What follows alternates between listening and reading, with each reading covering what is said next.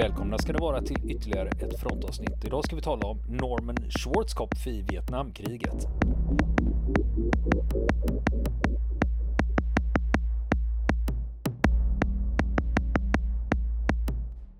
Ja Niklas, vi pratar ju fortfarande om Norman Schwarzkopf och det sista vi pratade om var ju General William Westmoreland som eh, Schwarzkopf då hade träffat i, Ja, på basen. Duck Cove. Westmoreland himself alltså. Det, ja, det är klart att han inte ville skriva ut hans namn. Nej, nej det är klart att det, det blir lite... Det kunde bli lite känsligt. Ja, han får ändå hålla stilen liksom, inte snacka illa om sina kollegor. Ja, just det. Eh, men eh, det var ju så att eh, Schwarzkopf samverkade ju med de luftbun, den luftburna divisionen i Sydvietnams armé Mm. under ganska lång tid och, och jobbar ju ihop med dem och var med ute och liksom verkligen lärde känna dem och stred ihop med dem och det skapar ju ett band. Just det. Och sen var det också vissa saker han hade gjort då för att vi, visa sin lojalitet. Bland annat det där först vid broarna då när han drack whisky blandat med grisblod. Och sen när han hotade en amerikansk helikopterpilot för att de skulle ta med stupade sydvietnamesiska soldater. Ja, visst. Så det är ju sådana saker som gör att det liksom det, det, bondas va. Ja, precis. Precis. Ja, för det var, det var nämligen, eh, annars var det många förband i Vietnam vid den här tidpunkten just med de amerikanska rådgivarna var att amerikanska rådgivarna kunde göra så här att de bara var med på dagen och sen åkte de hem liksom. Just det. Och, och det blev, och, och amerikanska rådgivare tyckte också att det var lite undermålig kvalitet på en del förband så de var lite rädda för att vara ute med dem. För att om något händer så sticker de och då skiter de i mig. Ja. Att vi, de hade inte det bandet va? Och det var ju det Schwarzkopf ville jobba fram då liksom. Att de var liksom brothers in arms. Ja, Ja. Fanns ju risk att de skulle bli fraggade också. jo den Ja. risken existerar ju liksom. Precis. Och det här med fraggning. Det är ju en sån här. Det var väl ett ord som dök upp under Vietnamkriget. Ja, just det. Eh, även om det fenomenet att eh, soldater dödar sina egna befäl är ju inte ny. Nej, Eh, precis. Det vet ju du som militärhistoriker att eh, det Ja. har ju hänt. Ja, det, långt ja, tidigare jajamän, det finns ju belägg långt tillbaka för, för detta, för att det funnits tankar kring det. Så att säga. Ja. Men eh, det är nog första gången som jag vet som det här fenomenet fick ett namn. Det är Mm. nog Vietnam. Det är det enda Ja. jag känner till i alla fall. Det. Ja, och ordet i sig, det kommer ju från, alltså ordet fragging kommer ju från fragmentation grenade. Alltså en handgranat. Fragmentation är ju splitter då. En Mm. Just det. splittergranat helt enkelt. En vanlig handgranat fungerar ju så. Den har ju sprängverkan och så har den splitter.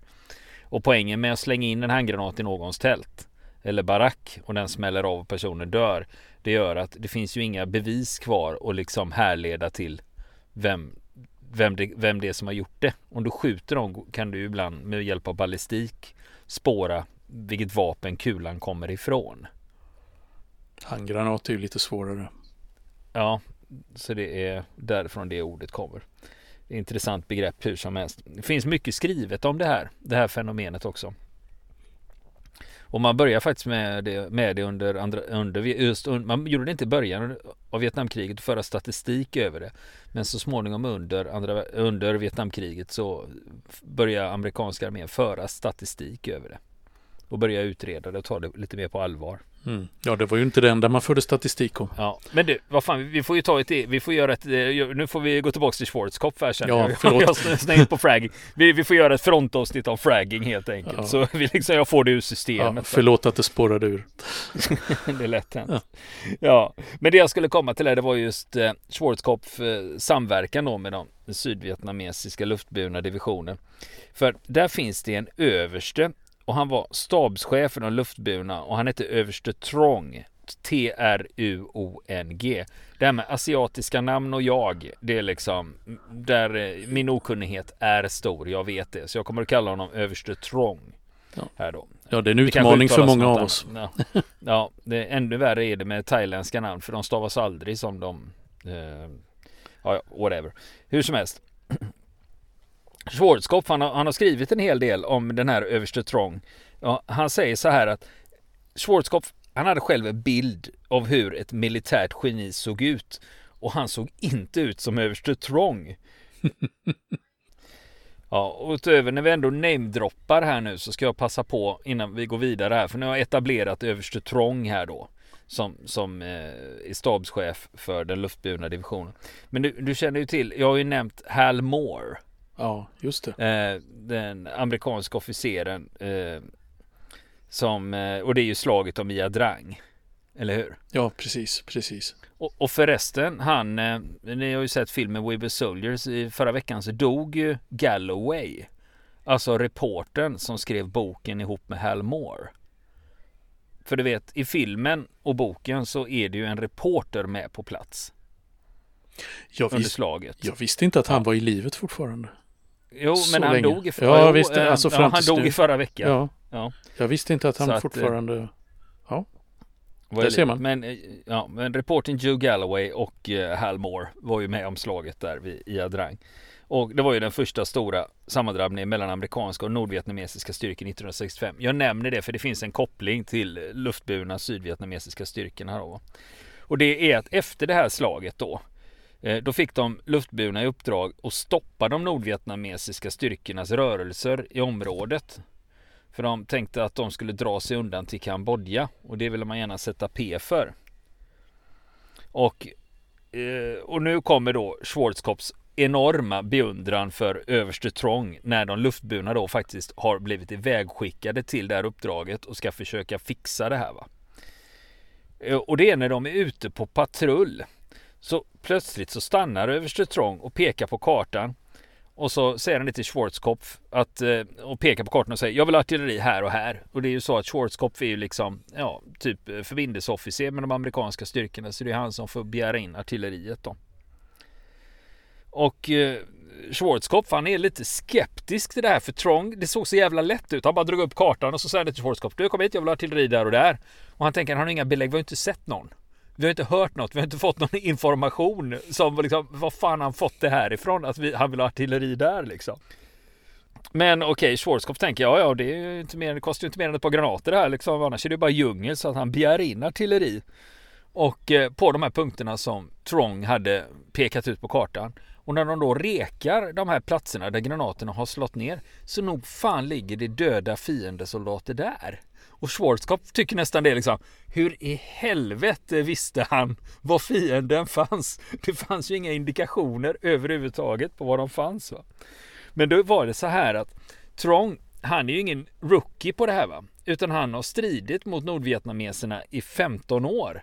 Så han visste ju exakt hur de fungerar, hur de tänkte, deras strategi, deras taktik, deras beteende. Så det var att han, han var nästan eh, ja, nästan lite trolleri i det där hur han kunde förutspå fiendens rörelser. Mm. Han kände dem så jävla väl. Han kunde tänka som dem och sätta sig i deras position. Vad hade han gjort om han hade varit Vietkong?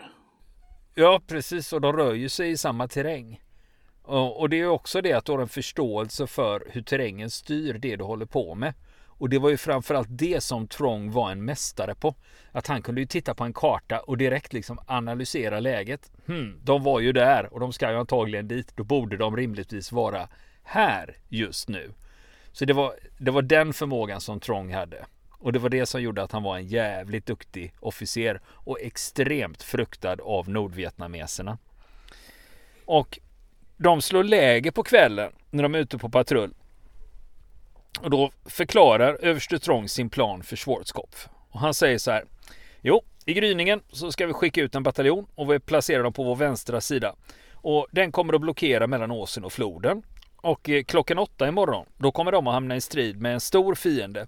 Och då skickar jag en annan bataljon till höger och de kommer att hamna i strid runt klockan 11. Och jag vill att du har artilleriet redo att öppna eld i området rakt framför oss. För sen kommer våran tredje och fjärde bataljon att anfalla ner mot floden och då kommer fienden att vara instängd med floden mot ryggen. Oj då. Det var en tankar Ja. i flera led där. Om man...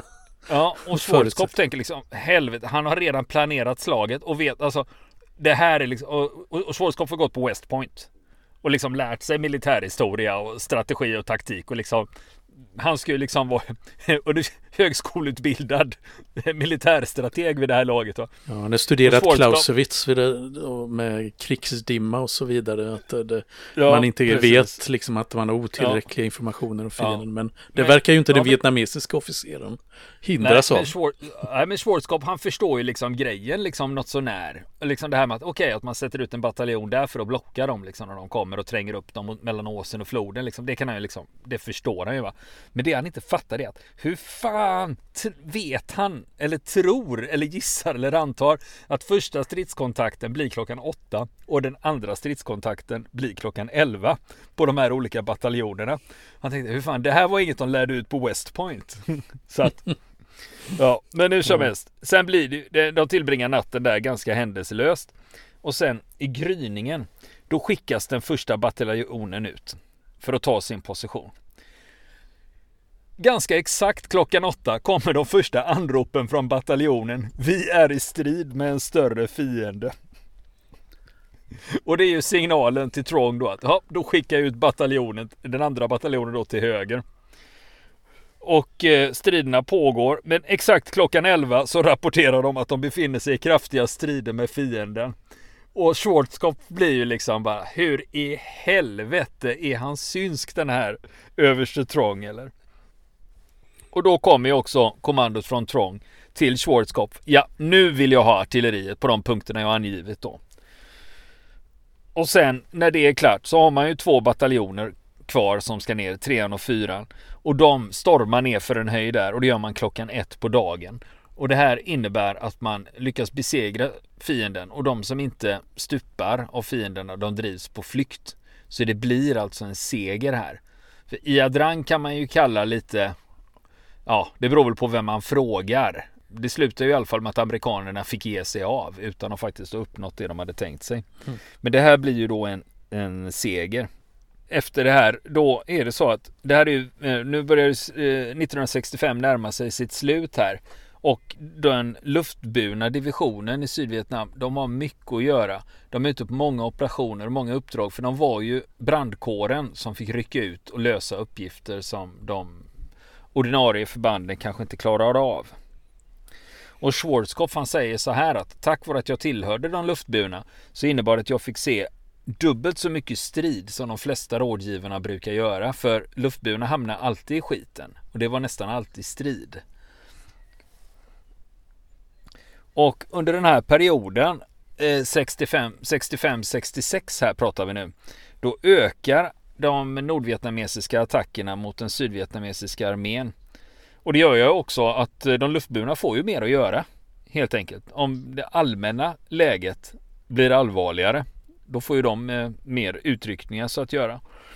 Så att säga. Men det blir också ett annat problem där att eftersom de är ute så mycket och det är så hårt så under en operation de var ute på då var förlusterna uppe på över 50% för de luftburna. De förlorade så hälften av sitt manskap under en enda operation. Och Schwarzkopf har ju hängt med här nu och de sex senaste månaderna så har han deltagit i sex större operationer med de luftburna och han börjar bli sliten för han är ju med ute också. Han sitter ju inte i något mysigt stabstält och kuckelurar. Va? Och eh, under den här perioden så har han också hamnat på sjukhus två gånger. En natt i eh, en gång i Natrang och då var det för malaria. Och eh, sen hamnade han också på sjukhus för eh, han hade eh, jag vet inte vad det heter. Det är sån här amöbadysenteri. Ja, men det heter det väl på svenska också. Typ. Ja. Rätta oss om vi har fel, men ja, det, det känner jag igen. Ja, det är väl en parasit det va? Just det. Precis. Jag har inte haft det gudskelov.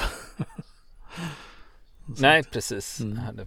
Eh, jag har haft vinterkräksjuka, det är det närmaste jag har kommit liksom. Mm. Så att, eh, men hur som helst, Schwarzkopf är vid det här tillfället bra sliten. Och nu är det tidigt under 1966. Då är Schwarzkopf ute med de luftburna på ett uppdrag. Och de ska rensa ett område från Vietcong. Och den här gången så är de faktiskt inte ute och går. Utan den här gången åker de faktiskt i pansarskyttefordon. Det är sådana här amerikanska M113 Har du sett dem? Liksom sluttande ja. frontpansar och sen eh, kan man då stå inuti och så det, kan du luckan öppna upp till och så stå just och skjuta. Det, just det, konservburkar på larvband. Just Ja, och det vill man se hur de ser ut. Jag vet Arsenalen i Strängnäs har en sån stående. Om man vill åka och banka lite på plåten där för att se hur den ser ut. Och de ska, det var ett område som hölls av Vietkong här och då skulle man då ta det här och då rycker man fram med sådana här pansarskyttefordon. Men då finns det ett fenomen som man har fått åtgärda här och det är ju så här att vietnamesiska soldater är kortare än amerikanska. Och det är problemet när de då ska stå på så att säga durken. Då, då når de knappt ut över kanten. För de är ju mm. byggda för amerikanska soldater att de ska kunna stå upp och skjuta upp över kanten. Så och det, de når inte upp så det man har gjort istället är att man har tagit durken som har fyllt den med ammunitionslådor. Så, så vietnameserna kan stå uppe på ammunitionslådorna för då når de upp över kanten och kan skjuta dem. Men då är ju problemet att eh, Schwarzkopf, han är ju, ja, eh, han är ju amerikan och han är ju mycket längre och han står ju också där. Men problemet är att hans, halva hans kropp sticker upp då va. Så han är ju ett ganska stort synligt mål jämfört med vietnameserna då som precis når upp över eh, når upp över kanten då. Ja, det är ju opraktiskt. Ja, så han, är, han exponerar sin kropp ganska mycket när han står där. Och då börjar de, när de är ute och åker där, då börjar de närma sig en dunge. Och då ser ju Schwarzkopf, han är ju, han är ju ändå officer. Och så när han ser den dungen liksom bredvid vägen så tänker han fan, där hade ju varit perfekt att rigga ett eldöverfall. Om man vill öppna eld mot våran konvoj. Så att han rapporterar ju det till en sydvietnamesisk officer och säger att du, den där dungen där borta, liksom, det är ju liksom det är ju risk där va. Om någon har krupit dit och eh, ligger och beredd att öppna eld.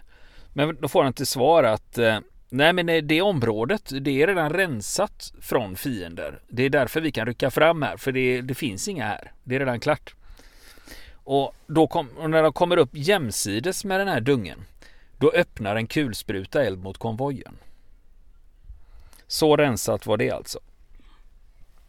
Och något av det första som händer när de första kulsprutekärvarna börjar slå in i fordonen det är att Schwarzkopps vänstra arm rycker plötsligt till och han inser att han har blivit träffad och han duckar ner bakom plåten och han blöder kraftigt och hans kind och ögonbryn och ögonlock är också skadat. Så utöver armen så har han även fått eh, fragment från kulor de, som har rikoschetterat mot pansarplåten så att hans vänstra öga svullnar igen.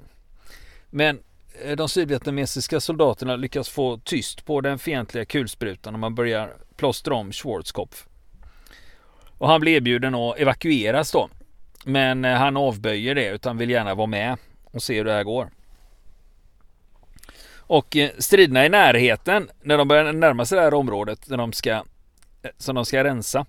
När de, när de närmar sig där då är ju ett problem att eh, nu, nu Vietkong de håller nere sydvietnameserna med eld. Alltså Schwarzkopf eh, och de luftburna de ska undsätta några andra. Och den sydvietnamesiska styrkan de ska rädda eh, hålls nere av fientlig eld då. Och de är dessutom ute på ett risfält och det är inte så mycket skydd där så det är ganska bråttom att försöka lösa det här. Och eh, då är planen då att man ska först slå till med flyg med, med napalm och sen ska man släppa bomber och sen ska man dessutom blåsa över och med 20 mm Gatling spelande. Och sen när planen försvunnit, då ska artilleriet öppna eld och sen ska infanteriet anfalla. Och det gör man också. Man kör enligt den planen, eh, planen då.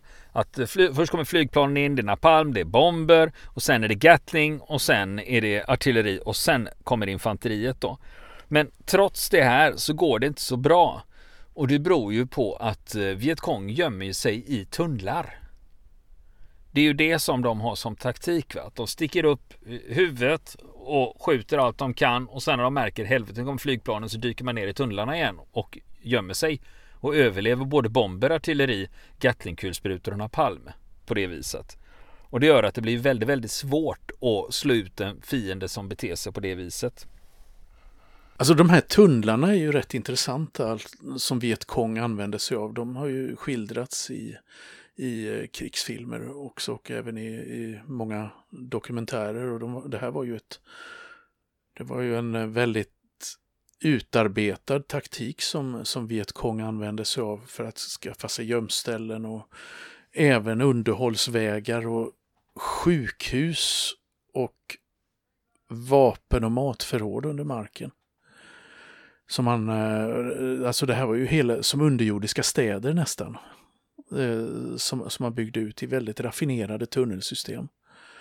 Ehm, och eh, jag vet ju att det finns ju ett sådant system som eh, är eh, öppet för turister i Vietnam idag. Jag har inte själv varit där men det ska ju vara rätt svårt för en normalbyggd västerlänning att ta sig ner i de här trånga gångarna.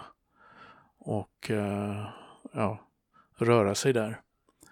Och Alltså det jag vet om de här systemen det, det är ju att det, det var ju eh, alltså ganska förfärliga förhållanden de levde under i de här tunnlarna. Visst, man, kun, man var skyddad för för, som du säger, eh, artilleri och eh, napalm och allt det här då. Men det var ju alltså svårt att andas i de här och det var ju kna väldigt knappa förråd av eh, mat och vatten i de här, i de här systemen för att eh, man skulle försörja ganska många soldater där nere oftast.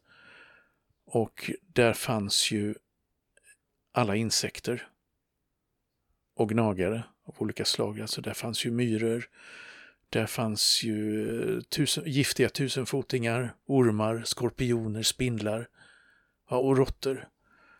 Och eh, mesta delen av tiden så spenderade soldaterna eh, dagarna i tunnlarna och arbetade då med att eh, utvidga dem och eh, göra andra typer av arbeten och så vilade man, så kom man ut på natten då för att söka efter förråd och eh, kanske sköta sina åkerfält, sina odlingar som man hade i närheten.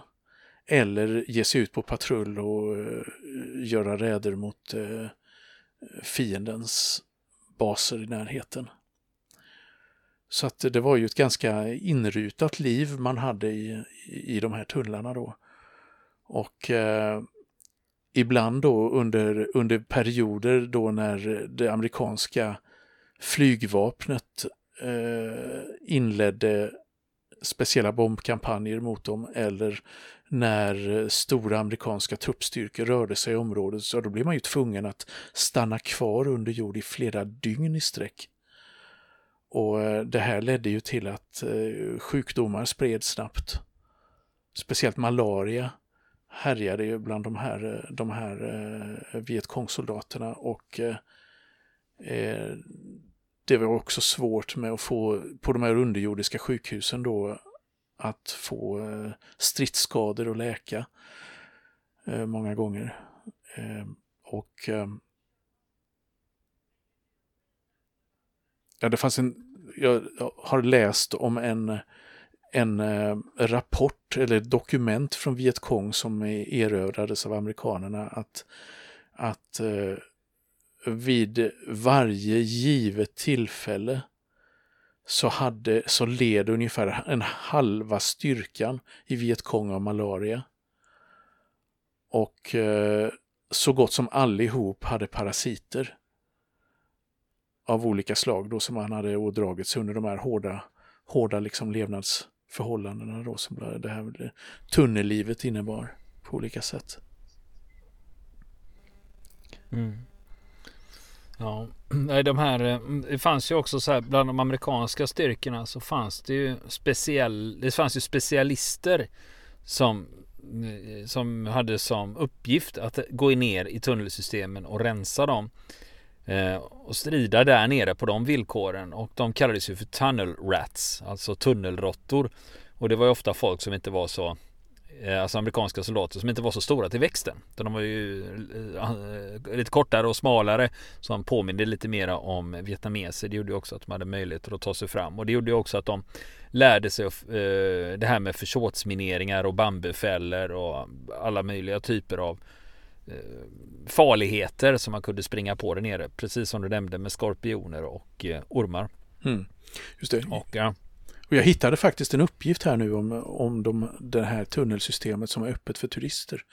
Det heter, och nu är eh, som sagt förlåt på förhand för att jag kommer massakrera det här vietnamesiska namnet, men jag tror att det är ett sushi. Det är C-U-C-H-I. Och det har, det är ett tunnelsystem då som eh, faktiskt i sin helhet omfattar tunnlar på 121 kilometer. Och där man alltså har bevarat en del av det här komplexet då och förvandlat det till, en, till ett friluftsmuseum. Där två olika tunnlar är, är öppna för, turi, för turister då. Och det, är liksom, det här är ju en populär turistattraktion då. Eh, där man, eh, där man kan få krypa runt då i de, eh, de säkrare delarna av tunnelsystemet. Då. Ehm, och det, den ena delen då, det, det, det, är mer original än vad den andra systemet är. För det där har man rekonstruerat vissa tunnlar då som har, har eh, fallit, eh, rasat samman.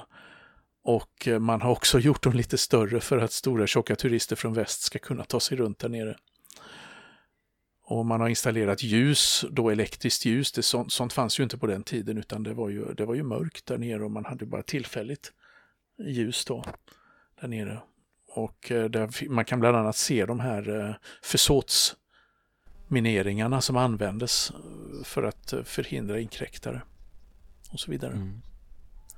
Ja, i fiktionen så kommer jag ihåg i filmen Plutonen där Sergeant Elias kryper ju ner i en tunnel och ska rensa lite där. Då. Men eh, det finns eh, faktiskt en film som är dedikerad till det här som heter 1968 Tunnel Rats. Eh, och eh, problemet med den är att den inte är bra. Eh, den hade ju kunnat vara bra om man hade tagit tillvara på själva storyn och utmaningarna som det här innebar. Va? Men man har tyvärr sopat bort det bland annat genom mycket slarv då liksom. Det är till exempel så att man hade inget riktigt manus utan skådespelarna har improviserat sina repliker till stor del då. Jaha, vad kan så gå fel? Att, ja, det hade kunnat bli bra va, om man hade förvaltat det. Men vet du vem den mest kände tunnelråttan är? Det vet jag inte. Nej, det är en fiktiv karaktär, tyvärr. Det är den amerikanske kriminalförfattaren Michael Connelly. Hans karaktär, polisen Harry Bosch. Jaha. Harry Bosch är Vietnamveteran och han var tunnelråtta i Vietnam. Jaha. Och det dyker upp lite i de här mm. deckarna ibland då om Harry Bosch att han har lite svårt för trånga utrymmen och mörker och sånt då. Och det ja. förklaras då att han var tunnelråtta. Se där ja. Det hade jag inte koll på. Jag har inte läst någon av de böckerna i och för sig. Så att, så att, men det kanske jag blir tvungen att göra nu. Mm. Och men då Schwarzkopf, han säger så här till överste Strong att eh, eh, vi gör så här istället. Eh, jag har ett annat förslag hur vi gör. Och vi gör så att om vi börjar med ett luftanfall och eh, säger till piloterna att okej, okay, släpp den här palmen och släpp bomberna, men kör inte över området med 20 mm Gatling när ni slutat bomba. Utan Eh, då ska de medla precis när de är klara för då kan vi skicka in artilleri och så kör vi 15 minuters artilleri då. Och när de här 15 minuterna har gått då ska ni inte sluta skjuta artilleriet. Istället ska, ni, ska vi skjuta på det öppna området bakom byn. För då hindrar vi Vietkong från att fly. Så meningen är att man ska kunna låsa in dem då. Och när artilleriet flyttar sin eldgivning så vill jag att attackhelikoptrarna rycker fram samtidigt som pansarskyttefordonen gör det. Så att på, alltså, artilleriet rör sig som en ridå framåt och samtidigt bakom då kommer pansarskyttefordonen med sina 50 kalibers kulsprutor. Ovanför huvudet så har man attackhelikoptrar. Och då är meningen att då ska du radera allt motstånd som finns där med den här planen. Och eh, mycket riktigt, man provar och genomför det anfallet så som Schwarzkopf har föreslagit. Att man kör napalm, man kör bomber, sen kommer artilleriet och sen flyttar man fram artilleriet som en skärm och sen kommer man då in med pansarskyttefordon och attackhelikoptrar. Och det ger effekt. Och när de väl har rullat över den här byn de ska ta så lyckas de också eh, ha ihjäl ett stort antal nordvietnamesiska soldater och vietkong. Eh, och eh, sum, en av summorna av det här slaget då, eh, det är ju bland annat då att Schwarzkopf fick sin första Purple Heart. Mm -hmm. Ja, ja, just det. Han, att han, han blev ju sårad där, ja. Aha. Han blev sårad i armen och så fick han eh, kulfragment då i, upp, i, upp i ansiktet då.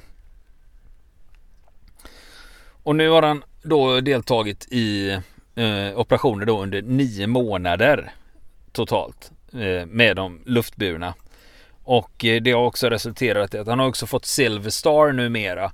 Men det är inte, den är inte utdelad för någon liksom enskild händelse. Att han har stormat ett kulsprutevärn eller hjältemodigt räddat en kamrat från döden eller något sånt. Utan det är för hans samlade insatser eh, ihop med den luftburna divisionen så får han en Silver Star då.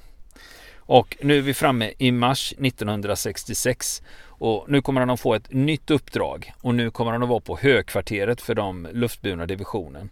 Och då kommer han att vara baserad på Tansan Not Air Force Base.